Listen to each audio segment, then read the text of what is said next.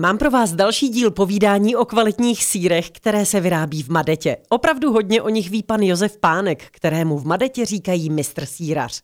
Řeč bude i o párování s nápoji, ale postupně. Pane Pánku, nosným programem Madety jsou síry takzvaně holandského nebo ementálského typu s tvorbou ok nebo bez tvorby ok.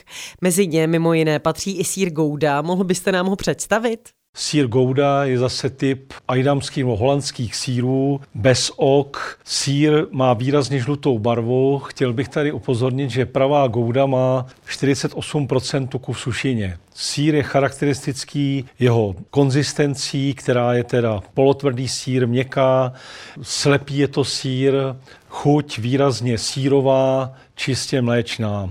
Hodně známým produktem Madety je i Madelant. Je to sír s nízkodohřívanou sířeninou. Tady bych chtěl ten výraz nízkodohřívaný na vysokodohřívaný.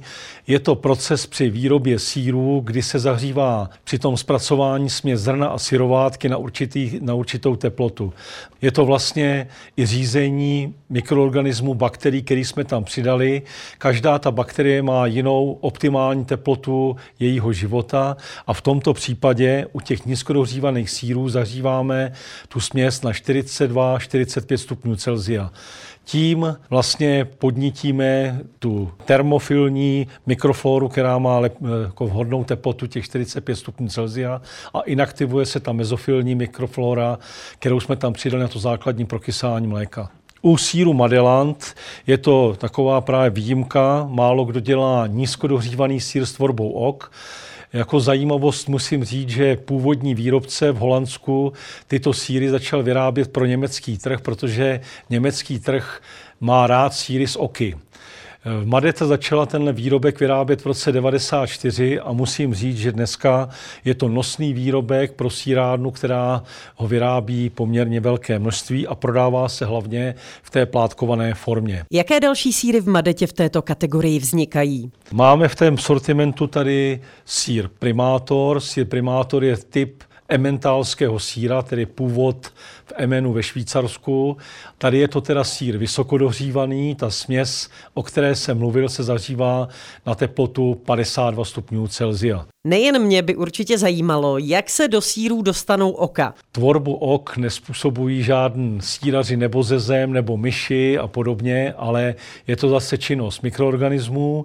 To znamená, v těch sírech je takzvaná propionová bakterie, která má e, vlastnost ze zbytků laktózy, která v tom těstě zbyla, tvořit velké množství kysličníku uhličitého, který se váže na vodu, vzniká tam kyselina uhličitá nebo ještě kyselina propionová a ten tlak plynu plus ty kyseliny, které leptají, vlastně to těsto toho síra nám vytváří krásnou bublinu. Taky pravé sírové oko musí být lasturovitě lesklé. Vy v Madetě síry také udíte. To gro v tom uzení je u ajdamských sírů, ale udíme i další. A to uzení bych chtěl tady zdůraznit, že Madeta používá klasickou technologii, kde řízeně spalujeme bukové štěpky, a to uzení je poměrně dlouhé, působíme tím kouřem na ty síry kolem 3 až 4 hodin, ale o to je kvalitnější.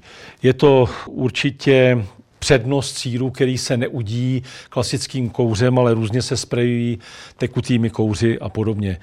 Je to vidět i na oblibě a spotřebě síru u našich konzumentů, takže ty udírny, které máme, provozujeme nepřetržitě 24 hodin denně. Kromě polotvrdých sírů ale Madeta vyrábí i síry čerstvé. Čerstvé síry je kategorie sírů, které se vyrábí z kravského mléka a ta základní technologie spočívá v tom, že do mléka přidáme bakterie mléčného kvašení, jsou to mezofilní bakterie, které nám rozkládají laktózu na kyselinu mléčnou, okyselují to prostředí. Čerstvé síry jsou síry, které se vyrábějí sladkým srážením, to znamená sraží se mléko syřidlem, Následně se teda krájí na zrno, které se nějakým způsobem vytužuje. Madeta nabízí čerstvý sír pod názvem kotič. Kotič je vlastně i původ síra, který pochází eh, z amerického názvu tvarohu. Ta jeho technologie je zajímavá v tom, že zrno se vyrábí z ostředěného mléka, Mléko se tím technologickým postupem zpracuje, vyrobí se sírové zrno a to zrno se několikrát vypere. To praní znamená i odstranění laktózy, to znamená, je to jedna část, kdy vlastně likvidujeme kromě toho kysání laktózu tím vypráním. Následně správně vytužené zrno správné velikosti, které je sladké, mícháme se smetanou, takže ten produkt vypadá zrno, které plave v sladké smetaně, je to lahodné, je to sír, který se hodí k přímé konzumaci, nejlépe s nějakou dobrou zeleninkou.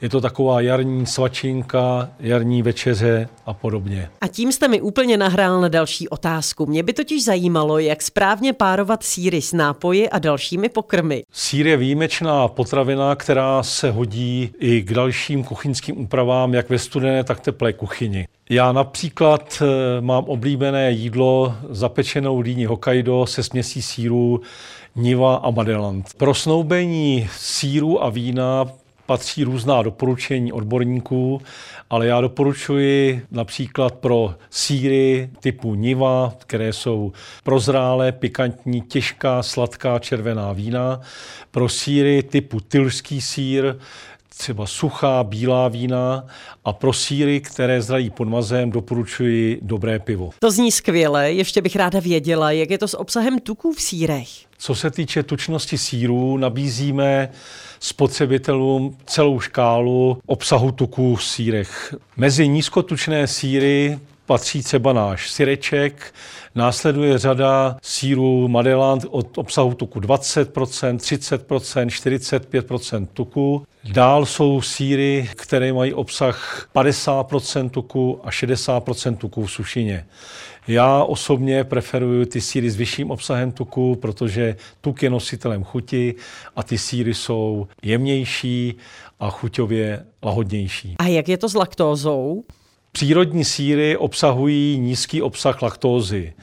Pro spotřebitele s intolerancí na laktózu ale vyrábíme výrobky s nulovým obsahem laktózy. Pane Pánku, pojďme si to schrnout. Madeta nabízí opravdu široký sortiment sírů. Mohl byste nám je všechny připomenout? Historicky Madeta začala vyrábět výrobky, takové ty klasické. Samozřejmě to byly síry ajdamské, Dál jako historicky jeden z nejstarších výrobků je blaťácké zlato, sír Niva, sír Emmental nebo primátor český, moravský bochník.